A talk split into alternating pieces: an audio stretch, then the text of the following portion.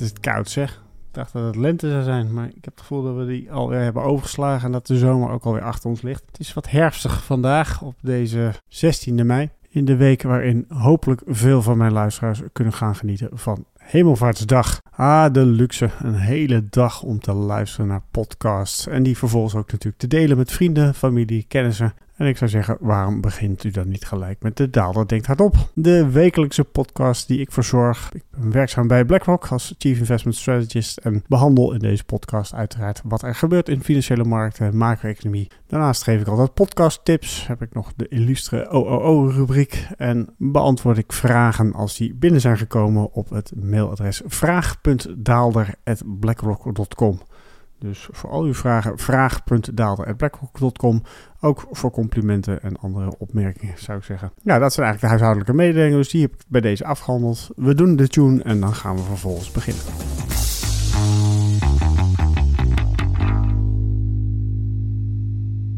Nou, dan eerst maar eens eventjes de financiële markten. Ja, dat wordt langzamerhand een beetje een pijnlijk onderwerp, moet ik toegeven. Want daar gebeurt gewoon heel erg weinig. Ik heb er deze week ook een column aangeweid in het Financieel Dagblad. Dus uh, het Financieel Dagblad van woensdag moet je daarop naslaan. Waarbij je ziet dat, ja, soms heb je van die periodes dat het allemaal heel erg druk is. En markten alle kanten op schieten. En je als analist zoekende bent naar een verklaring van wat nou eigenlijk precies de achterliggende bewegingen zijn. Maar nu zitten we in de opmerkelijke situatie waarbij er juist heel veel nieuws is. Er speelt van alles. Maar dat die markt markten per saldo nauwelijks van hun plaats lijken te komen. Kijk ik bijvoorbeeld naar de MSCI All Countries Index, die bewoog zich de afgelopen 30 handelsdagen in een trading range van slechts 2,1%.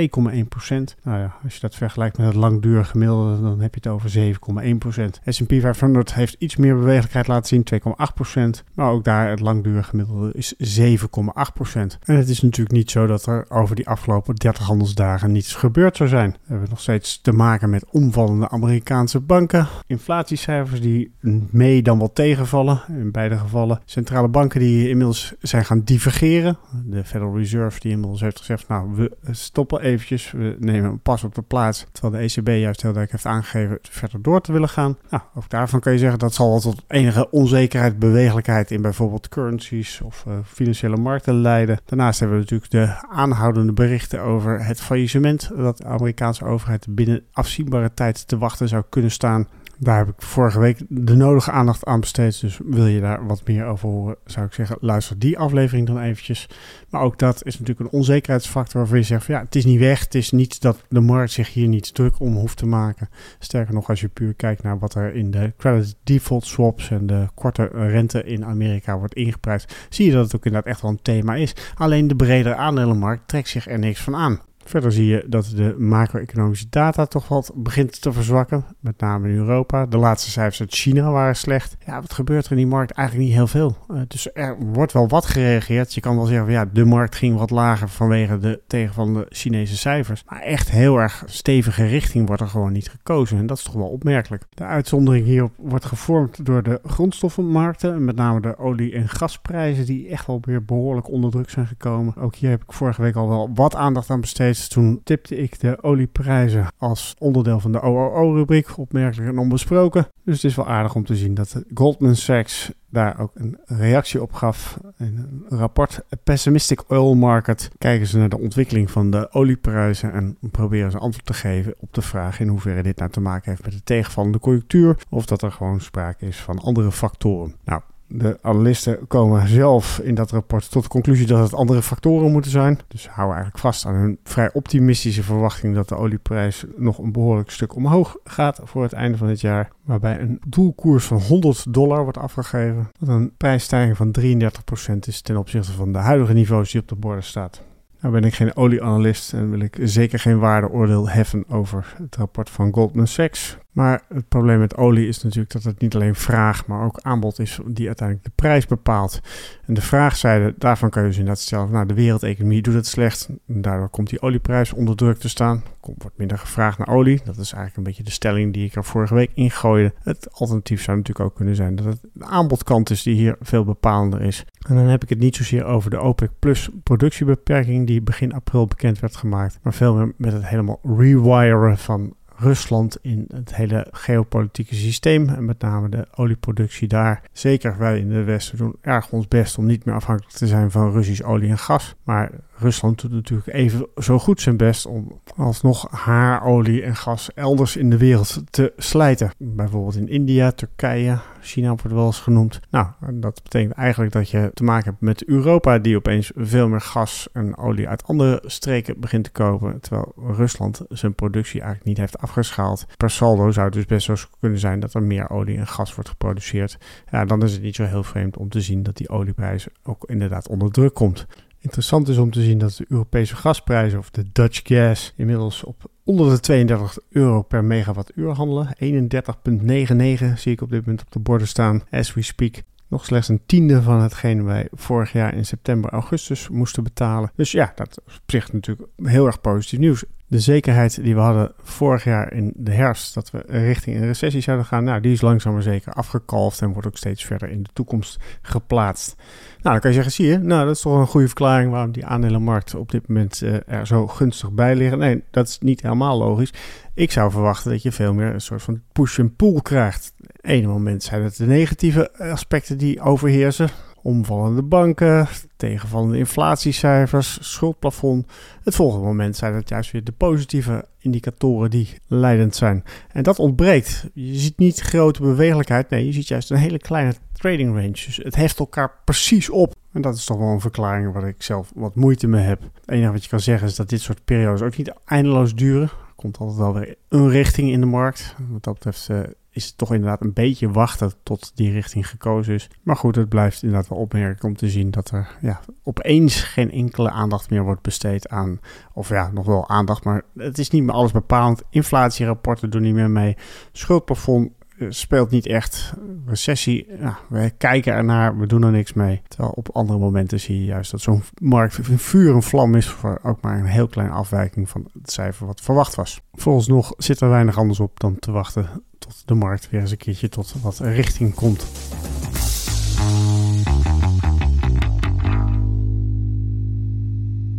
Dan het thema waar je op dit moment eigenlijk helemaal niet omheen kan, zelfs als je het zou willen. Dat is natuurlijk greedflation, of een van de vele vormen van inflatie, die in dit geval samenhangt met het bedrijfsleven, die vrij actief bezig is prijzen te verhogen om zo hun marges veilig te stellen. Hierbij is natuurlijk een beetje de vraag van, is het niet meer dan een natuurlijk proces, of uh, gaat het hier inderdaad om greed? Een situatie waarbij het bedrijfsleven handig inspeelt op de algemene markttendens en dus meer dan nodig de prijzen verhoogt. Waarbij je bijvoorbeeld kan denken aan grootgrutters die hun marges goed weten te beschermen. Met name in Amerika roepen ze er dan gelijk bij. Ik zou zeggen, hoe cares waar het is. Het is gewoon een kwestie van margeverbetering. Maar denk ook aan banken die vorige week de wind van voren kregen. Omdat ze aan de ene kant wel miljarden extra winst boeken. Maar aan de andere kant niet bereid lijken te zijn om de hogere rentes van de ECB ook door te rekenen aan de klanten. Mijn spaaraccount levert nog steeds geen cent op.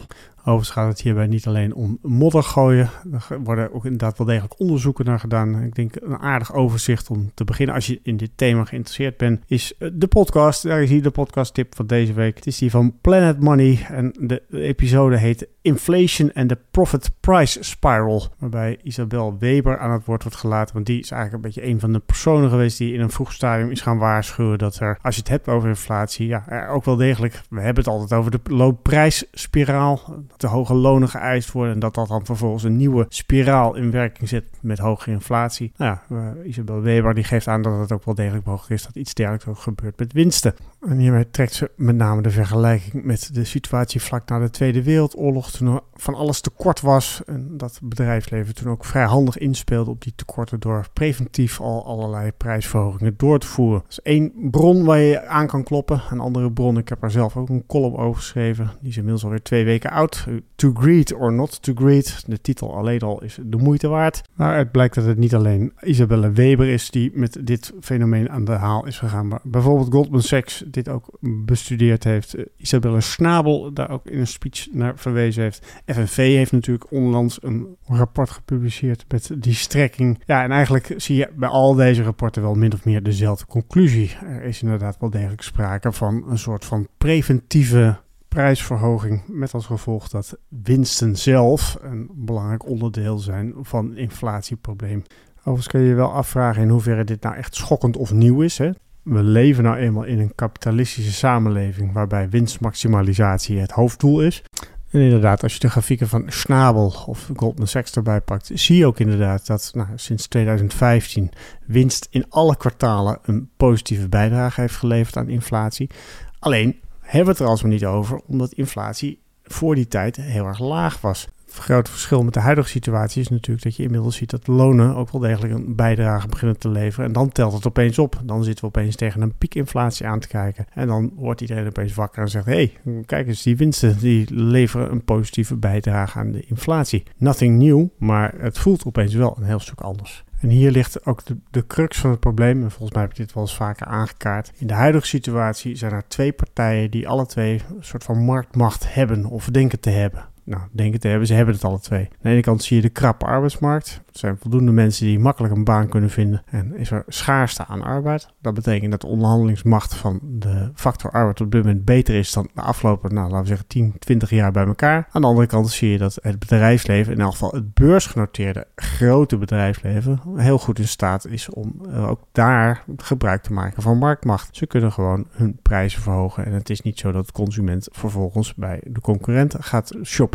en dat heeft dan weer te maken met het feit dat er de afgelopen twee jaar behoorlijk wat gespaard is. Mensen eindelijk weer kunnen doen wat ze zouden willen en dus ook bereid zijn om een hogere prijs te betalen. Die twee krachten die met elkaar in eh, ja, gevecht zijn, leidt ertoe dat die inflatie een heel stuk minder makkelijk onder controle te brengen is dan je normaal zou verwachten. En dat verklaart dus ook de reden waarom ik er eigenlijk wel vanuit ga dat we wel degelijk richting een recessie gaan. Ook al ligt die alsmaar weer wat verder in de toekomst. Dit patroon kan je pas doorbreken als een van de twee partijen merkt dat de situatie wezenlijk veranderd is. Of een consumentenstaking, in dat geval is het het bedrijfsleven die tot inkeer gaat komen. Of een verzwakking van de arbeidsmarkt met als gevolg dat de looneisen naar beneden komen. Als nou geen van beide gaat optreden, dan weet je vrij zeker dat de ECB de komende tijd de rente alleen maar verder zal moeten verhogen om alsnog die inflatie onder controle te krijgen.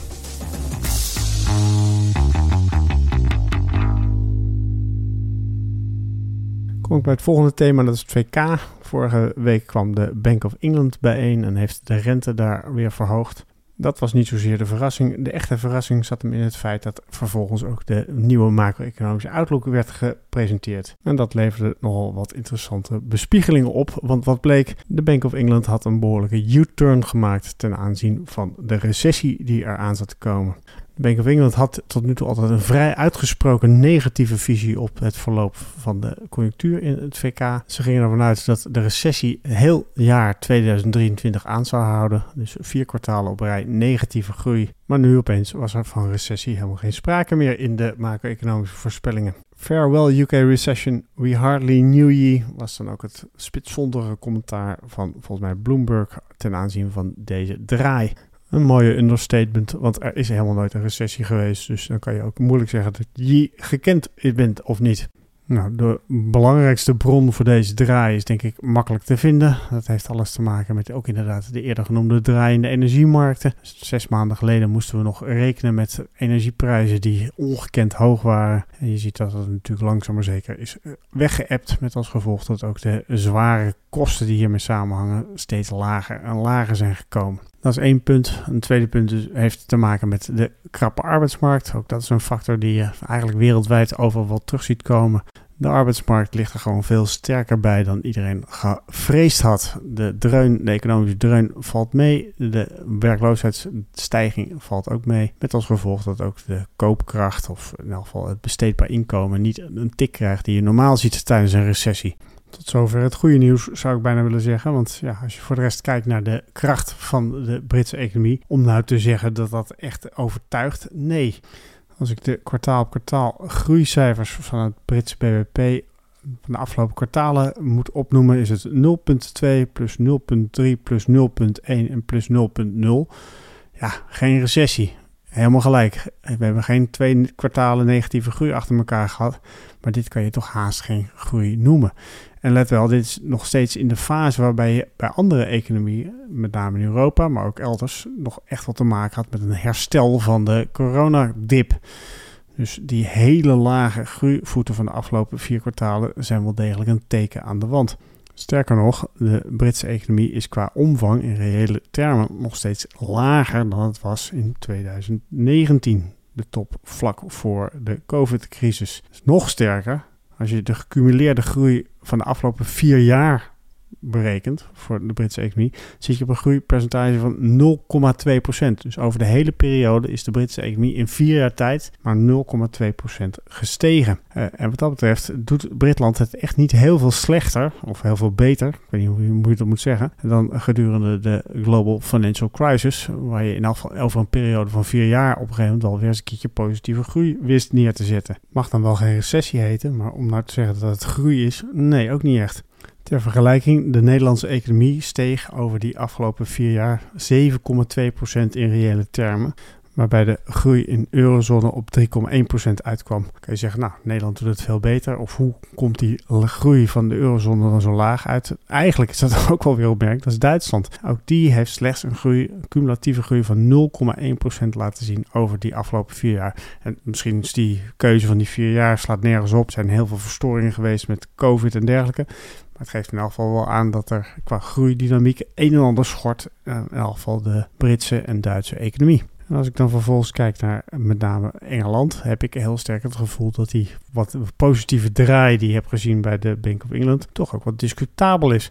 Ik zal het vast wel eens een keertje eerder in deze podcast hebben gemeld. De hypotheekmarkt van Engeland zit namelijk wat anders in elkaar dan bijvoorbeeld de Nederlandse. Een groot deel, zo niet het grootste gedeelte van de Britse hypotheken, wordt op korte termijn gefinancierd. Dus drie tot vijf jaar is vrij standaard daar. En daarnaast is het ook nog eens een keertje zo dat de home ownership, dus het aantal mensen wat echt een eigen huis heeft, ook relatief hoog ligt. Nou, tel die twee met elkaar op betekent dus eigenlijk dat je vrij zeker weet dat er een vrij groot deel van de bevolking elk jaar tegen een herfinanciering aanloopt. En daar zie je natuurlijk nu eh, ja, de pijnlijke gevolgen van de gestegen kapitaalmarktrente heel erg sterk terug. En dan heb ik het niet zozeer over de flash crash die in de herfst van vorig jaar onder de bezielende leiding van Liz plaatsvond. Nee, ook de afgelopen maanden, weken en maanden zie je eigenlijk dat de Britse kapitaalmarktrente veel meer een opwaartse trend laat zien dan bijvoorbeeld de Duitse of de Amerikaanse. De Britse 10-jaarsrente ligt op dit moment met 3,8% redelijk dicht bij het hoogste niveau van dit jaar. Terwijl de Duitse kapitaalmarktrente al maanden zo'n beetje rond de 2,3% is blijven hangen. Spreads tussen die twee zie je ook gestaag oplopen. Waarmee ik dus bedoel dat de Britse kapitaalmarktrente inderdaad langzaam maar zeker uitloopt ten opzichte van de Duitse. Hoe je het ook bent of verkeerd, dit gaat een behoorlijke kostenpost worden voor met name de Britse huizenbezitters. En waar ik het al eerder over had, er kan best eens een keertje een kopersstaking komen. Ja, op het moment dat je geen geld meer hebt, omdat je opeens ziet dat je maandlasten verdubbelen. Want dat zijn wel de orde van grootte waar inmiddels over gedacht wordt ja, dan kan het opeens heel erg hard gaan met zo'n economie. Want dan is er geen vraag meer. Dan zie je dus dat ook de arbeidsmarkt begint te verzwakken. En dan komt alsnog de recessie, waarvan je nu net gezegd hebt dat die niet meer gaat komen. Ik ben dus ook heel erg benieuwd of de Bank of England hier een zeer gelukkige draai heeft gemaakt. Of dat het hier toch een beetje de wens is, de vader van de gedachte is geweest. Overigens ik wil niet alleen negatief zijn over de Bank of England. Ik vind over het algemeen dat zij in hun communicatie wel echt vooruitstrevend zijn. En ook als je de rapporten erop naslaat. Dus de manier waarop zij communiceren met het grotere publiek, dat ze echt al meer hun best doen dan andere centrale banken. Als je naar de ECB kijkt, is toch vaak wat wetenschappelijk. Als je de Federal Reserve erbij pakt, vind ik het vaak zelfs wat stoffig. Nou, de Bank of England probeert in elk geval met kekkerplaatjes en simpele diagrammen de boodschappen over te brengen naar het grotere publiek. Dus daarvoor in ieder geval wel chapeau. En daarbij kom ik eigenlijk alweer aan het einde van de podcast van deze week. Nogmaals, mocht je vragen hebben, stel ze vooral bij vraag.daalder.blackrock.com. Zeker als je een heel meivakantie hebt om erover na te denken, stuur je vraag vooral in. Opmerkingen zijn trouwens ook van harte welkom. En ik hoop eigenlijk dat het de komende tijd weer wat mooier weer wordt. Tijd voor een bol, zou ik bijna willen zeggen. Tot de volgende keer.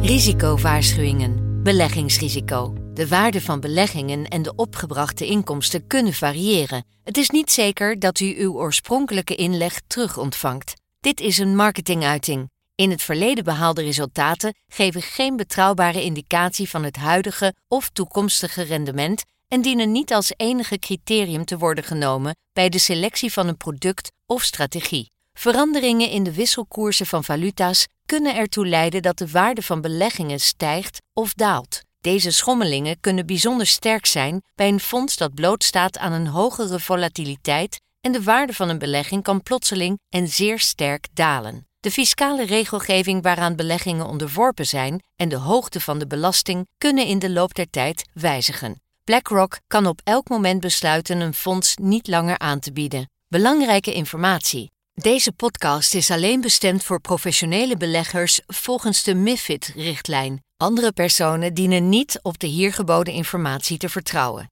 Deze podcast is uitgegeven door BlackRock Netherlands BV, dat een vergunning heeft verkregen en onder toezicht staat van de Nederlandse Autoriteit Financiële Markten. Officiële zetel Amstelplein 1 1096 HA Amsterdam. Telefoonnummer 020 549 5200. Ingeschreven in het handelsregister onder nummer 170 Om u te beschermen worden telefoongesprekken doorgaans opgenomen. Alle in deze podcast vermelde researchgegevens zijn verstrekt door BlackRock en kunnen door BlackRock inmiddels voor eigen doeleinden gebruikt zijn. De resultaten van dergelijke research worden slechts incidenteel verstrekt. De hier geuite visies vormen geen beleggingsadvies en kunnen aan verandering onderhevig zijn. Ze weerspiegelen niet altijd de gezichtspunten van een bepaalde onderneming binnen de BlackRock-groep of van een afdeling daarvan en de juistheid ervan kan niet worden verzekerd. Deze podcast is uitsluitend bestemd ter informatie.